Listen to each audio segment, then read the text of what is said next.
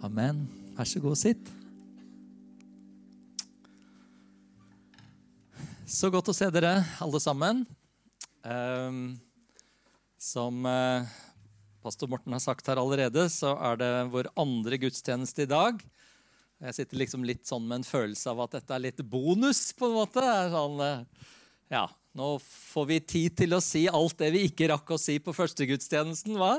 Det skal liksom være litt ekstra for dere som kommer klokken 13, tenker jeg. at da, ja, Nå har vi jo ingenting som på en måte begrenser oss i andre enden, så vi kan jo holde på en stund, kan vi ikke det? Jo, det er veldig bra. Veldig bra. Det var det svaret jeg håpet på.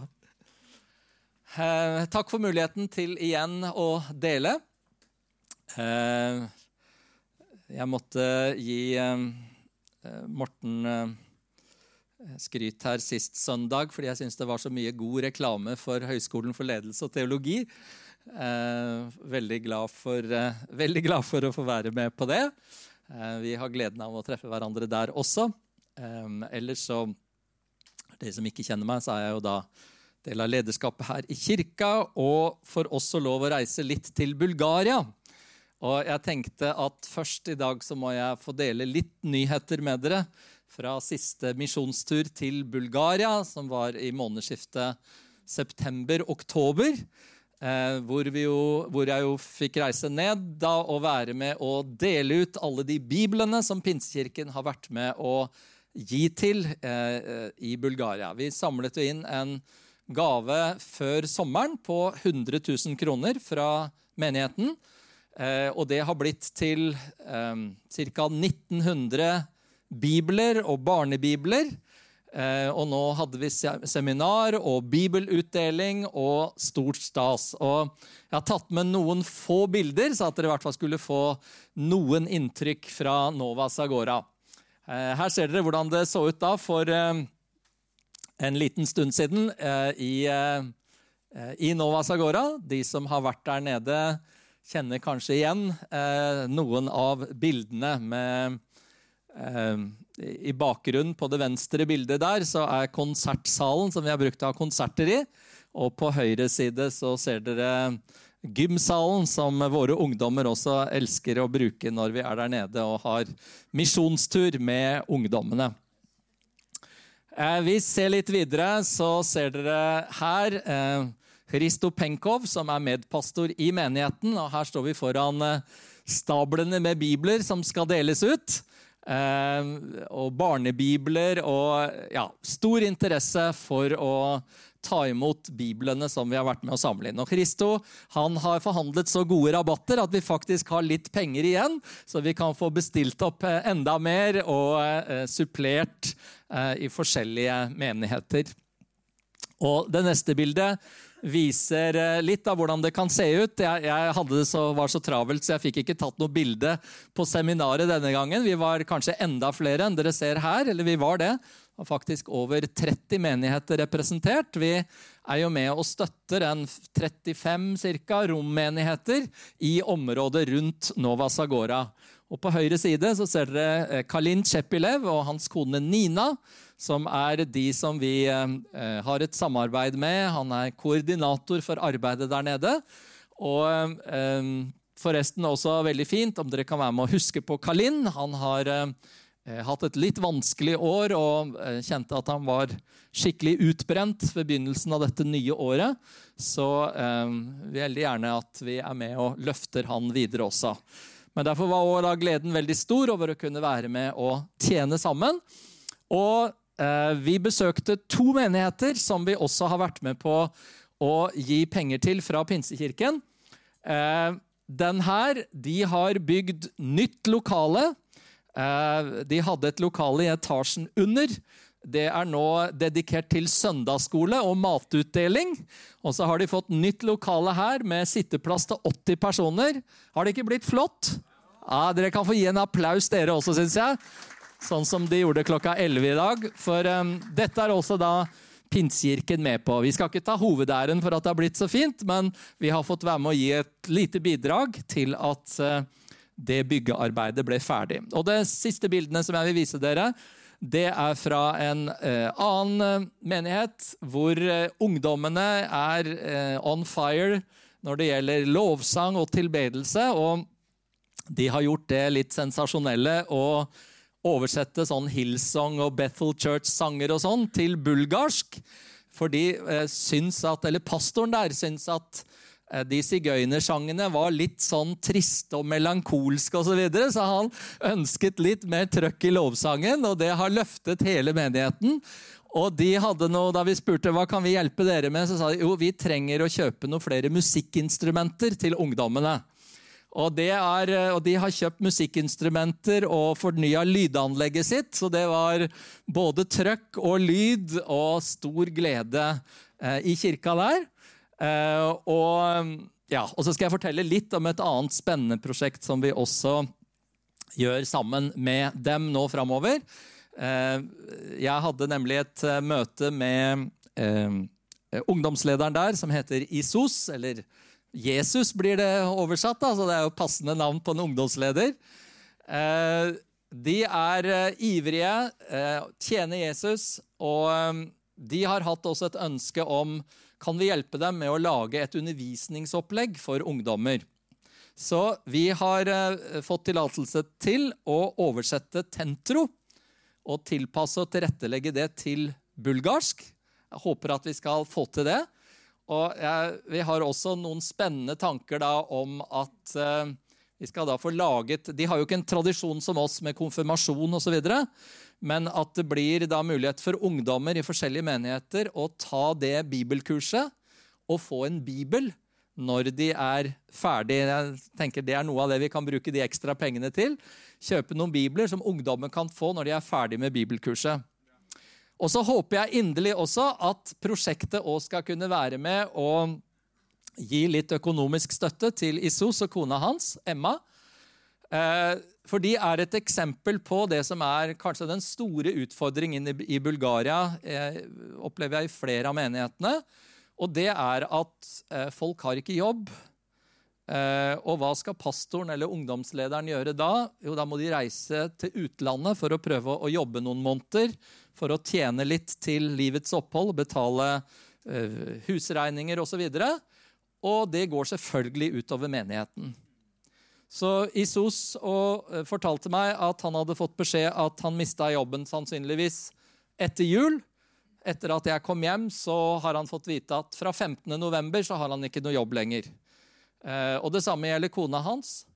Eh, hva gjør de i forhold til lån på huset og sånt nå? Og i forhold til våre forhold så er det jo liksom ikke de store summene det snakkes om. Altså han har igjen, Vi har allerede fått én gave sånn privat, så det er liksom kanskje en 30 000 igjen. Så har han betalt huslånet sitt. Men det er liksom det som det ligger på om kan han være i menigheten og fortsette å tjene, eller hva skal de gjøre for noe? Her kan vi få være med å gjøre en forskjell, tenker jeg. Og er så glad for, jeg håper dere òg stolte av, det vi kan få lov å være med å bidra med i Bulgaria med bibler, støtte menigheter, være med å bygge Guds rike. Og så ber jeg virkelig om at det må komme noen som både har midler og eh, innsikt og visjon til å starte noen arbeidsplasser rundt forbi. Jeg skulle ønske jeg kunne starta en svær bedrift og ansatt eh, hele hurven, holdt jeg på å si, men jeg vet ikke helt hvordan jeg skal få til det ennå. Altså, hvis du har noen visjoner eller tanker der fra Herren, så holdt jeg på å si, løp, og, og la oss se hva Gud vil gjøre. Men bare for å si det, at det liksom ikke er sånn helt fjernt På, på gudstjenesten klokken 11 i dag så var det en god venn av meg som driver med gründervirksomhet. Uh, og som også er involvert i et EØS-prosjekt med Bulgaria. Så liksom Gud kan sette sammen bitene sånn at ting kan, kan bli noe av. Men dette er vi med på. Dette er en del av misjonsarbeidet, og jeg eh, kunne ønske at vi ba litt sammen for dette, takket for og, eh, det Gud gjør, eh, og løfte dem opp. Kan vi gjøre det før vi eh, går litt inn i det som jeg vil dele med dere? Far, takk for våre gode venner i Bulgaria. Takk at vi får lov å være med og dele litt av det som du har gitt til oss. Um, når du har velsignet oss, Herre, at vi kan få lov å være med og velsigne andre igjen. Takk, Herre, at du også har en vei for dem i Bulgaria som nå sliter med økonomi og andre utfordringer. Vi ber deg, Herre, at du skal la menighetene og forsamlingene være et lys for deg. At de skal få være til velsignelse i byer og landsbyer hvor de er, far. Og vi ber om at disse menighetene og andre skal få også ha de ressursene de trenger til å kunne gjøre din gjerning. Og så ber vi for alle biblene som er blitt delt ut og blir delt ut i disse dager. For barna, for familier som får en bibel, for de som eh, skal lese kanskje for første gang. Vi ber at ditt ord, Herre, skal få ha kraft, og, eh, eh at det skal være såkorn som spirer og bærer masse frukt alle steder hvor ditt ord kommer inn, Herre. Vi ber om det i Jesu navn. Og så ber vi spesielt for Kalin og Nina også, og Isos og Emma. Herre, hold din hånd over dem.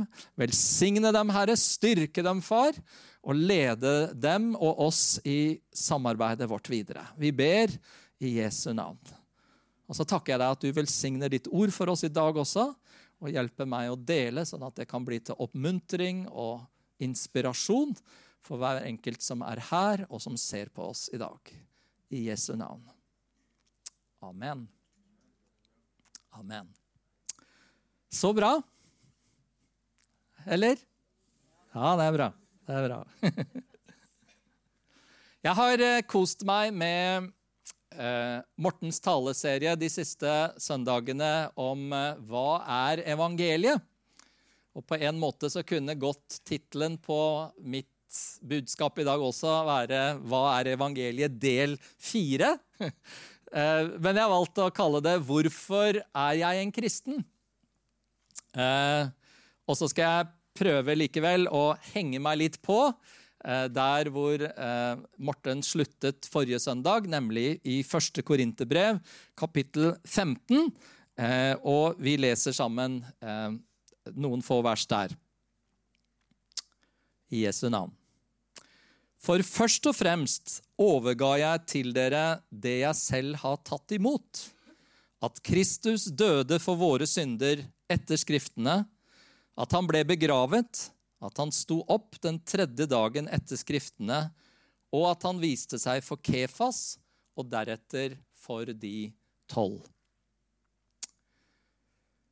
Mange teologer tenker at dette er kanskje den eldste kristne bekjennelsen som vi har en sånn oppsummering av essensen i evangeliet, eller om du vil, hva vi tror på, eller hvorfor er vi egentlig kristne. Og Jeg har lyst til å ta dere litt med og, og se litt lenger ned i det. Um, hva er det vår tro handler om? Hvorfor, hvorfor kan vi på en måte frimodig bygge livet vårt på dette? Hva er det dette budskapet om Jesus virkelig handler om? Er du med på det? Ja. Eh, jeg preka noe av dette som jeg deler i dag, eh, i Bulgaria også, eh, i den siste menigheten. Og der var de veldig med, altså, så jeg på en måte har forventninger til litt respons underveis her fra dere også. Det er veldig bra. Man blir bortskjemt vet du, når man er utaskjærs sånn.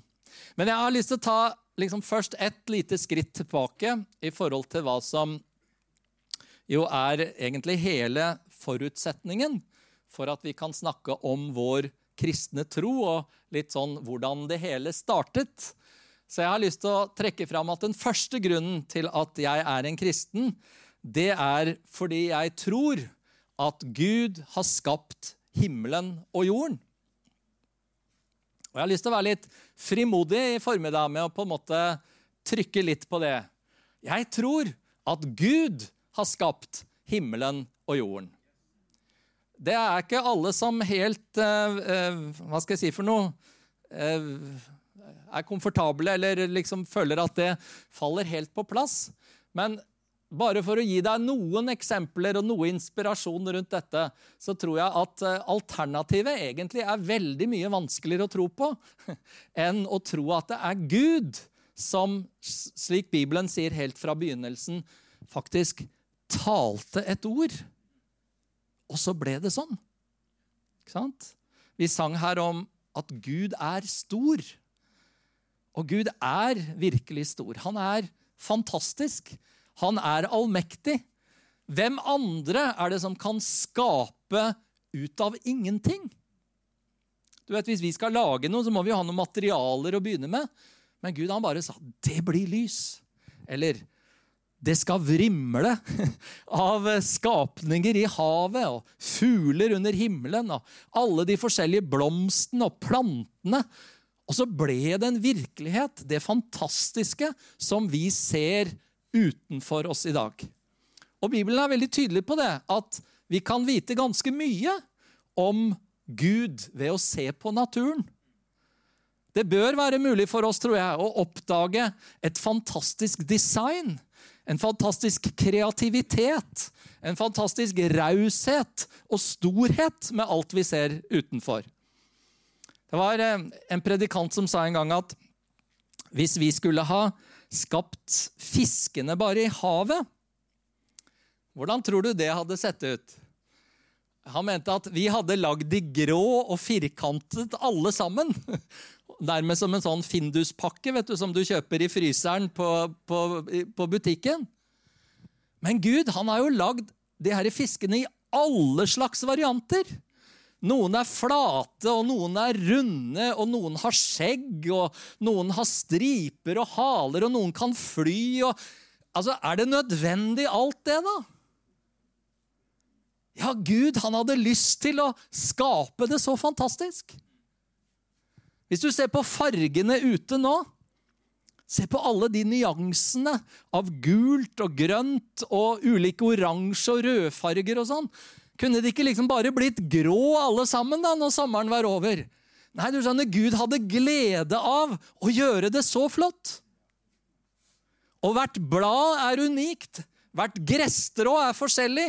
Når snøen faller, så er hver enkelt snøkrystall til og med unik. Det er fantastisk. Pastor Morten han hadde også en preken her for litt siden på et familiemøte om det store kosmos. Og uh, Du får heller gå inn og høre på den, men han viste noen fantastiske bilder om galaksen vår. Og kanskje man aner noe om andre galakser. Det er jo så svært, så svimlende, så ubegripelig, egentlig. Men bare ta fram dette ene lille poenget med at vår klode er plassert i så perfekt avstand fra solen og andre planeter at akkurat denne kloden er beboelig. Vi blir ikke brent opp av sola fordi vi er for nærme, eller vi fryser ikke i hjel fordi vi er for langt unna.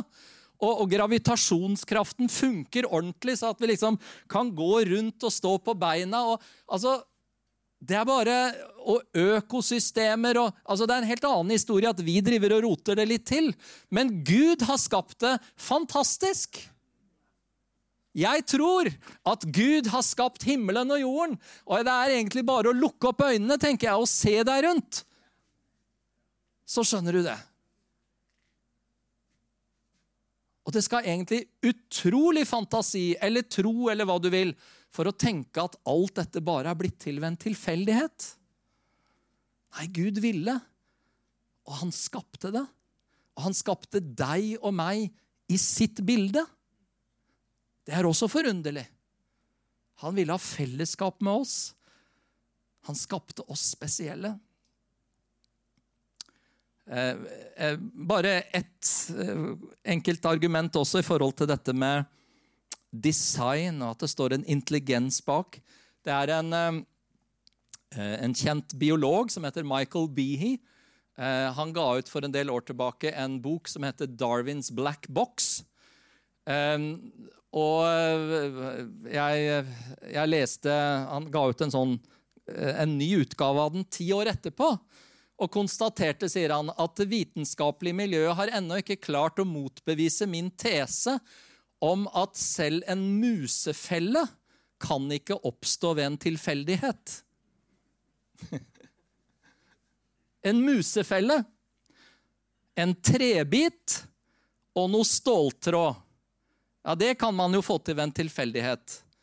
Men det han påviser, da, det er at for at denne ståltråden skal fungere som en fjær, og at dette faktisk skal fungere som en musefelle, så må det en intelligens til for å sette de bitene sammen og få det til å fungere.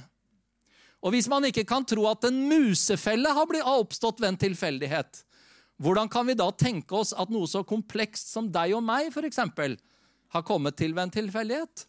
Du må lese den boka der. Han er ikke en bekjennende kristen, men han argumenterer altså for at det må være en intelligens, et, et design, som står bak vår verden. Jeg brukte det eksempelet her også i formiddag med mobiltelefonen min. Eh, jeg er veldig fornøyd egentlig med, med kamera på mobiltelefonen min. Jeg har sånn med tre linser.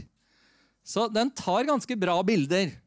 Og, og når jeg er ute i skogen eller på tur, og sånn, så hender det jeg stopper opp. ikke sant? Og Wow, her var det fantastisk utsikt. Og så tar jeg noen bilder og liksom skal glede meg over det.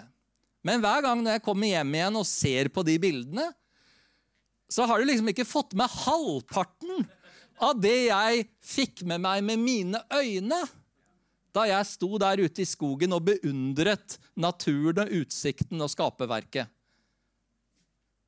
Og faktisk så er det jo sånn at selv med all teknologi og medisinsk vitenskap osv., så, videre, så skjønner vi enda ikke helt hvordan øyet vårt fungerer. Det er så fantastisk designa og ordnet at vi har ikke helt klart å liksom knekke koden på det ennå. Vet du hva Bibelen sier? Gud har skapt oss på skremmende, underfullt vis.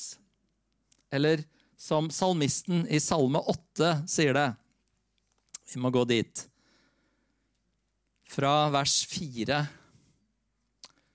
Når jeg ser din himmel, et verk av dine fingre, månen og stjernene som du har satt der, hva er da et menneske, at du husker på det?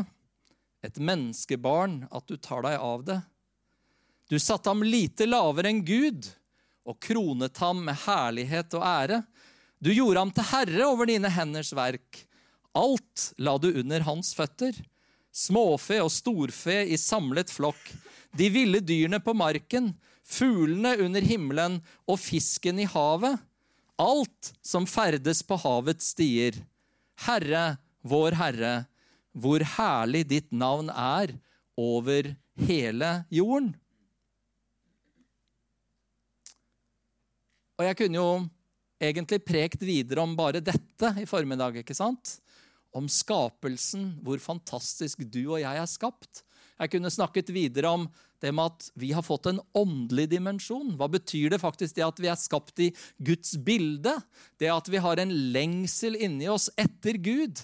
At du og jeg er unike. At Gud har en plan for oss. Og at naturen egentlig bare er et uttrykk for det store og fantastiske som Gud holder på med. Men jeg stopper med det at jeg tror at Gud har skapt himmelen og jorden. Halleluja. Og så er min andre grunn, og da kommer vi liksom rett inn i teksten fra 1. Korinterbrev 15 igjen, for å være en kristen, det er at jeg tror at Jesus døde for våre synder. For mine synder. Paulus han sier, først og fremst så overga jeg dette til dere at Kristus døde for våre synder. Det er liksom rett inn i kjernen av det som er evangeliet, det som er det, de gode nyhetene, det som er vår tro. Nemlig det at den planen som Gud hadde fra begynnelsen av, som ble ødelagt pga. menneskers synd, det at vi vendte Gud ryggen, at vi kom bort fra Gud, der har Gud grepet inn. Og det avgjørende punktet i verdenshistorien, det er det som vi sang om her i stad, da Jesus døde for oss på korset og betalte prisen for våre synder. Det betyr at adgangen til Gud igjen er åpnet. Det betyr at du og jeg kan bli Guds barn. Det betyr at det skillet som var kommet mellom Gud og menneskene, det er det nå bygget bro over. Det er gjenopprettet. Halleluja. Halleluja. Det er fantastisk, det Gud har gjort for oss gjennom Jesus. Og det begynner allerede hos profetene, så jeg har lyst til å begynne der. I Jesaja kapittel 53 så profeterer Jesaja om dette med at Jesus skulle komme. Og han sier, 'Sannelig, våre sykdommer tok han på seg. Våre smerter bar han.' Vi trodde han var blitt rammet av Gud, slått og plaget, men han ble såret for våre overtredelser. Han ble knust for våre misgjerninger. Straffen lå på han for at vi, du og jeg altså, skulle ha fred. Og ved hans sår har vi fått legedom. Vi for alle vill, fortsetter profeten, som sauer. Vi vendte oss hver sin vei, men skylden som vi alle hadde, lot Herren ramme han. Du skjønner, det var ikke noe alternativ til at Jesus måtte dø. Det var ikke sånn at noen av oss kunne fikse det her selv. Og det var heller ikke noe alternativ at liksom Gud kunne feie det under teppet. Det var ikke så farlig, liksom, om det var synd eller urettferdighet i denne verden. Nei, Gud er en hellig Gud. Og Gud er garantien for at evigheten kommer til å være fri for ondskap og sykdom og fordervelse og elendighet. Alt dette som har kommet inn i verden pga. menneskenes synd. Derfor måtte Gud gjenopprette alt sammen. Men han gjorde det ved å sende sin egen sønn til å dø for deg og meg. Er du ikke takknemlig for det? Er ikke det bra? Det er det som virkelig er kjernen i budskapet vårt. Og Da jeg så på en del skriftsteder, kanskje særlig i Det nye testamentet, som omtaler eh, dette Vi skal gå til Romerbrevet, f.eks., hvor det er et fantastisk avsnitt. Men legg merke til dette ordet 'menn', som kommer inn stadig vekk i disse skriftstedene. Det er liksom Det beskrives vår situasjon, hvor håpløst det var, hvor, hvor dårlig utgangspunktet var. Men så kommer det 'men'. Men så gjorde Gud sånn og sånn. Men Gud grep inn. Og så ble det noe helt annerledes. Hele situasjonen ble snudd. Se her også i, i Romerbrevet kapittel 3, hvor Paulus har snakket om tidligere i, i kapittelet om hvor forferdelig det er egentlig i verden på grunn av vår synd og vår situasjon. Og så kommer det Men nå er Guds rettferdighet, som loven og profetene vitner om, blitt åpenbart uavhengig av loven. Dette er Guds rettferdighet, som gis ved troen på Jesus Kristus til alle som tror. Her er det ingen forskjell, for alle har syndet og mangler Guds herlighet. Det er vår situasjon uten Gud. Syndet, mangler Guds herlighet. Og så kommer de gode nyhetene, men ufortjent og av Hans nåde blir du og jeg erklært kjent rettferdige innenfor Gud. Frikjøpt i Kristus Jesus. Og Derfor sier også Peter at det var ikke med sølv og gull at vi ble frikjøpt, men det var med Jesu dyrebare blod. Det var bare Jesu blod. Det var bare han som kunne kjøpe oss fri og bringe oss tilbake igjen til Gud. Og Jeg har bare lyst til å si til oss i formiddag, eller nå har det blitt ettermiddag òg Pinsekirke, dere, du som ser på i dag også. Er dette det primære også for deg? At Jesus er død for dine synder? Han har betalt prisen. Han har sonet. Han har gjort opp for deg. Sånn at du kan få være rettferdig, at du kan få bli et Guds barn, at du kan få være i Guds nærhet. At der hvor det var mørke og synd og fortvilelse, der har Gud snudd alt helt rundt, og du får lov å tilhøre Han. Halleluja. Et skriftsted til fra, det, her fra Efeserne kapittel 2. Dere var en gang døde av misgjerningene og syndene deres. Det er ikke mye håp da, hvis du er død. Da. Lite du kan komme med. Men Gud er rik på barmhjertighet. Fordi han elsket oss med så stor en kjærlighet, gjorde han oss levende med Kristus. Vi som var døde av våre misgjerninger, av nåde er dere frelst. Så var det en som kom til meg etter formiddagsmøtet i dag og sa at på dette punktet i prekena her, sa han, så, så følte jeg egentlig at jeg hadde lyst til å bare få bekjenne min synd og ta imot igjen ifra Jesus. Altså, han var en kristen. Men du skjønner, dette er også liksom hemmeligheten. At dette Jesu blod, som betalte prisen for oss på Golgata, det renser oss hele tiden når vi kommer til Gud med vår synd, med vår smerte, med vår fordømmelse, hva det måtte være for noe. Så jeg har bare lyst til å oppmuntre deg her, om du er her, eller om du sitter og ser på akkurat nå, og du kjenner på at det er liksom noe som tynger, noe som er vanskelig, noe som hindrer deg i fellesskapet med Gud, så kan du få lov å gi det til Jesus akkurat nå. Si, Jesus, kan du tilgi meg dette? Vil du vaske dette bort? Vil du gjøre meg ren? Jeg ønsker å tilhøre deg. Og så virker det i dag, her og nå. Tenk så fantastisk. Tenk så fantastisk. Halleluja.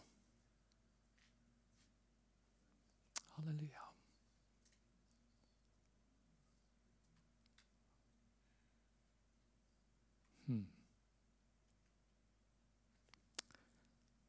La oss gå til neste punkt.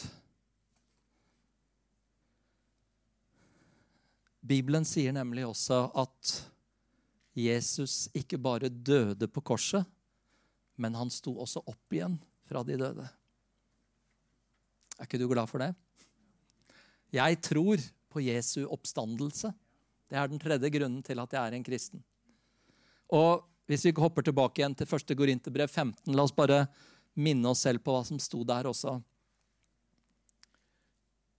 Først og fremst overga jeg dere det jeg selv har tatt imot. At Kristus døde for våre synder etter Skriftene, at han ble begravet, at han sto opp den tredje dag etter Skriftene, at han viste seg for Kefas, altså for Peter, og deretter for de tolv. Og så fortsetter det her. Deretter viste han seg for mer enn 500 brødre på en gang. Av dem lever de fleste, men noen er døde. Deretter viste han seg for Jakob, deretter for alle apostlene, og aller sist viste han seg for meg, jeg som er et ufullbåret foster, sier Paulus. Paulus kom jo på en måte litt sånn i en særstilling, for han, han var ikke der da på en måte Thomas stakk hånda inn i siden på Jesus, eller kjente på naglemerkene til Jesus etter at Jesus hadde stått opp igjen ifra de døde. Men Paulus han fikk møte Jesus på veien til Damaskus. Og Senere også så opplevde han at Jesus viste seg for han og åpenbarte ting for han som gjør at vi har alle disse fantastiske brevene i Det nye testamentet. Men jeg har bare lyst til å eh, få sagt, og tiden min går fort her, som det alltid gjør når man preker, og det er noe herlig å snakke om. Men ved det jeg prøver å, å, å legge igjen hos dere, det er at Jesu oppstandelse er selve beviset på at prisen for våre synder er betalt. Ja, halleluja. Du skjønner, Hvis det var sånn at det var liksom noen av Arnes synder som Jesu død ikke strakk til med å dekke over, da ville han fortsatt ha vært der i graven. Men Bibelen forteller at dødens, døden hadde ikke makt til å holde ham. Jesus hadde seiret fullstendig. Alt var betalt. Alt er tilgitt. Alt er gjort opp for. Alt det du og jeg noen gang kan finne på å rote til, det har allerede Jesus sonet og betalt for. Og det at, Jesus, det at, Gud reiste han opp igjen fra de døde, det er et vitnesbyrd om akkurat det. Det er selve triumfen, skjønner du. Døden er beseiret, djevelen er beseiret, vår skyld er betalt. Halleluja! Derfor tror jeg på Jesu oppstandelse. Derfor er jeg en kristen, fordi Jesus har stått opp igjen. Og som Paulus sier videre i 1. Korinterbrev 15 også, det gjør også at det er et håp for evigheten. Fordi at siden Jesus har stått opp igjen fra de døde, så er det også et liv for deg og meg etter døden. Hvis Jesus ikke hadde stått opp fra de døde, hvordan skulle vi tro at vi kunne gjøre det da? ikke sant? Men nå er, lever vi der hvor Jesus sa at den som tror på meg, han skal leve selv om han dør. Ja. Vi skal få lov å ha et evig liv sammen med Jesus. Og så er det fantastiske også at dette nye livet som, og denne kraften som reiste Jesus opp fra de døde, den fins tilgjengelig for deg og meg. Halleluja. Jesus lever i dag, dere. Ja. Ordene som Jesus sa om at han skulle være med oss alle dager inntil verdens ende, det funker. Du og jeg kan få lov å leve sammen med Jesus i dag. Vi kan få oppleve hans kraft. Vi kan oppleve at han er nær hos oss, at han forvandler våre liv og virker i oss. Det har vært et lite ammen eller halleluja eller noe sånt der, er det ikke det? Halleluja! Ja, det er ikke en død Jesus vi snakker om. skjønner du. Han har stått opp igjen fra graven, og han skal aldri dø mer igjen. Halleluja. Hør hva Paulus sier i Romerne kapittel 6. Dere må få med dere litt av disse eh, godbitene fra Bibelen. For det hjelper jo ikke om bare jeg sier det, ikke sant? men det står her. Og så får jeg være ett vitne om at det stemmer, at det er sant. Halleluja. Det står vi vet jo at når Kristus er oppreist fra de døde, så dør han ikke mer. Um, har, døden har ikke lenger makt over ham. For døden han døde, den døde han for synden én gang for alle. Men livet han lever, det lever han Gud, for Gud. På samme måte skal dere regne dere som døde for synden, men som levende for Gud i Kristus Jesus. Få tak i det jeg skal si akkurat nå. Litt tidligere i versene foran her så forklarer Paulus det at Jesu død og oppstandelse for deg og meg, det fungerer sånn at da Jesus døde på korset, så var det som om du og jeg døde. Og da Jesus sto opp igjen fra de døde, så sto vi også opp til et nytt liv sammen med han. Og det nye livet som er i Jesus Kristus, det lever i deg og meg. Derfor kan vi få lov å regne oss som døde for synden, men levende for Gud i Kristus Jesus. Det er fantastisk. Hvorfor er du en kristen? Jo, fordi Jesus døde for mine synder. Og så sto han opp igjen for min skyld. Og så lever han i dag, og så kan jeg få lov å leve sammen med han. Er ikke det bra, da? Ja, men. De var, de var i live borte på fløyen her òg. Det, det er bra. Min fjerde og siste grunn til å være en kristen, det er at jeg tror på evangeliet som et historisk faktum. Jeg tror at denne fortellingen om Jesus, det som vi leser her, det som Gud har gjort, det har faktisk skjedd som et historisk faktum. Det er ikke bare noe sånn svevende greier, men Gud selv kom faktisk ned til denne jorda for å frelse deg og meg.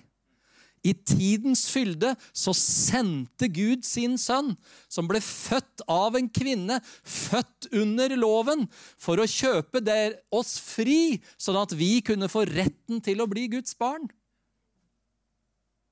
Juleevangeliet som vi snart skal dele med hverandre, om keiser Augustus og Kvirinius som var landshøvding og alt det der, skjønner du, det er for å få oss til å forstå at det skjedde faktisk. Det var konkret der og da. Så grep Gud inn i historien for å redde deg og meg. Halleluja. Og Peter han sier det så fantastisk i sitt brev, andre Peters brev, og det første kapittelet så sier han at det var jo ikke eventyr eller oppdiktede sagn vi kom med da vi skulle fortelle dere om Jesus. Nei, vi var øyenvitner og så hans guddommelige storhet. Halleluja. De som forteller her, de var øyenvitner. Og han sier da, da røsten lød mot Jesus fra himmelen om at 'dette er min sønn, den elskede, som jeg har behag i', da var vi til stede. Vi hørte den røsten. Vi var der. Vi fikk det med oss, skjønner du. Vi så det, vi opplevde det. At Jesus var stått opp igjen fra de døde, og at han lever. Halleluja. Fortellingen om Jesus er overlevert av øyenvitner. Det er troverdig, det som du og jeg leser om. Det vi tror på, det vi bygger livet vårt på. Og vi må høre på Johannes også, for jeg syns han kanskje sier det om mulig enda tydeligere i begynnelsen av sitt første brev. Hør, hør på det her. Hør. Det som var fra begynnelsen.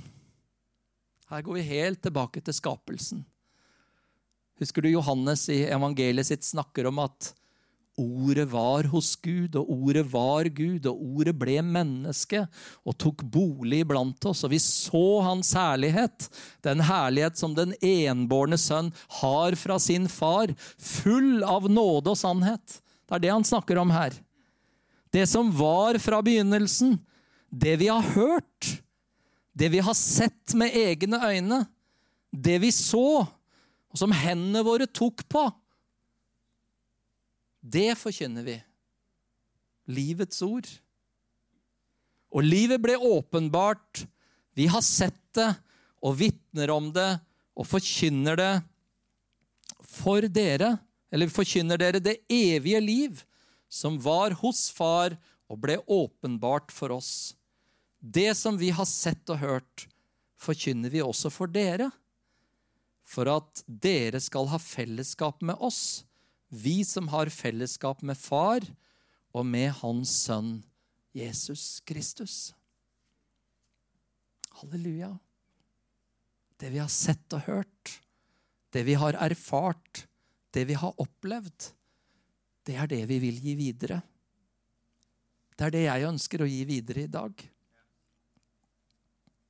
Og ikke bare jeg, men siden Johannes skrev dette for ja, i hvert fall 1900 år siden, kanskje enda litt mer,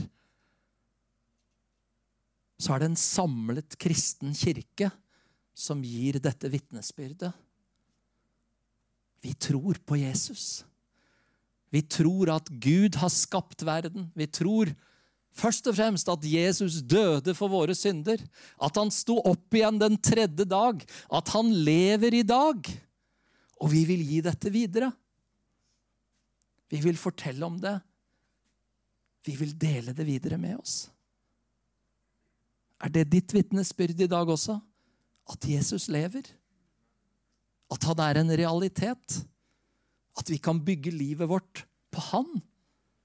Fordi han holder Enten ting er vanskelig, eller det er lett.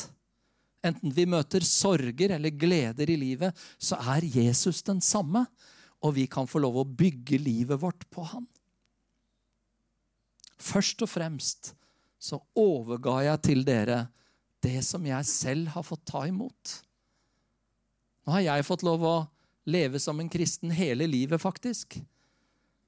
Og jeg har fått lov å ta imot noe fra mine foreldre og fra andre som har gått foran, og som igjen kan si at vi har overlevert det som vi har fått. Og så deler vi det videre med oss. Derfor er jeg en kristen. Fordi Jesus lever. Fordi han døde for meg. Fordi det er et historisk faktum. Og fordi jeg kan se hver dag det vidunderlige skaperverket som Gud har gjort for oss. Amen. Amen. Skal vi reise oss opp?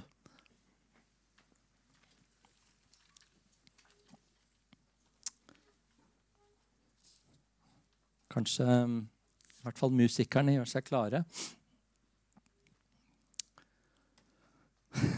Jeg har lyst til at vi skal eh, avslutte litt annerledes i dag. Nemlig med å eh, bekjenne vår tro sammen. Trosbekjennelsen. Oppsummerer og utdyper vel egentlig eh, litt det jeg har sagt. Det er en fantastisk bekjennelse som vi deler med Den kristne kirke over hele verden. Og igjen så vil jeg liksom bare oppmuntre deg. Om du kanskje har følt litt på om troen din har vært vaklende, eller kanskje du ikke har helt um, hatt denne relasjonen med Gud, så kan du få lov å bekjenne troen på Han. Bibelen sier at hvis vi med vårt hjerte tror at Gud reiste Jesus opp fra de døde, og med munnen vår bekjenner at Jesus er Herre, så skal vi bli frelst. Det er faktisk så enkelt å bli en kristen og ta imot Jesus og velge å følge Han. Så la oss bare bekjenne vår tro og glede oss over alt det fantastiske Jesus har gjort for oss. Hmm. Halleluja. Halleluja. Hmm. Jeg kjenner at Den hellige ånd arbeider med noen eller taler til noen. La oss bekjenne sammen. Jeg tror på Gud Fader den allmektige, himmelens og jordens skaper. Jeg tror på Jesus Kristus, Guds enbårne sønn, vår Herre, som ble unnfanget ved Den hellige ånd født av jomfru Maria, pint under Pontius Pilatus, korsfestet, død og begravet, for ned til dødsriket, sto opp fra de døde tredje dag, for opp til himmelen, sitter ved Guds, den allmektige Faders, høyre hånd, skal derfra komme igjen for å dømme levende og døde. Jeg tror på Den hellige ånd en hellig allmenn kirke, de hellige samfunn, syndenes forlatelse, legemets oppstandelse og det evige liv. Amen.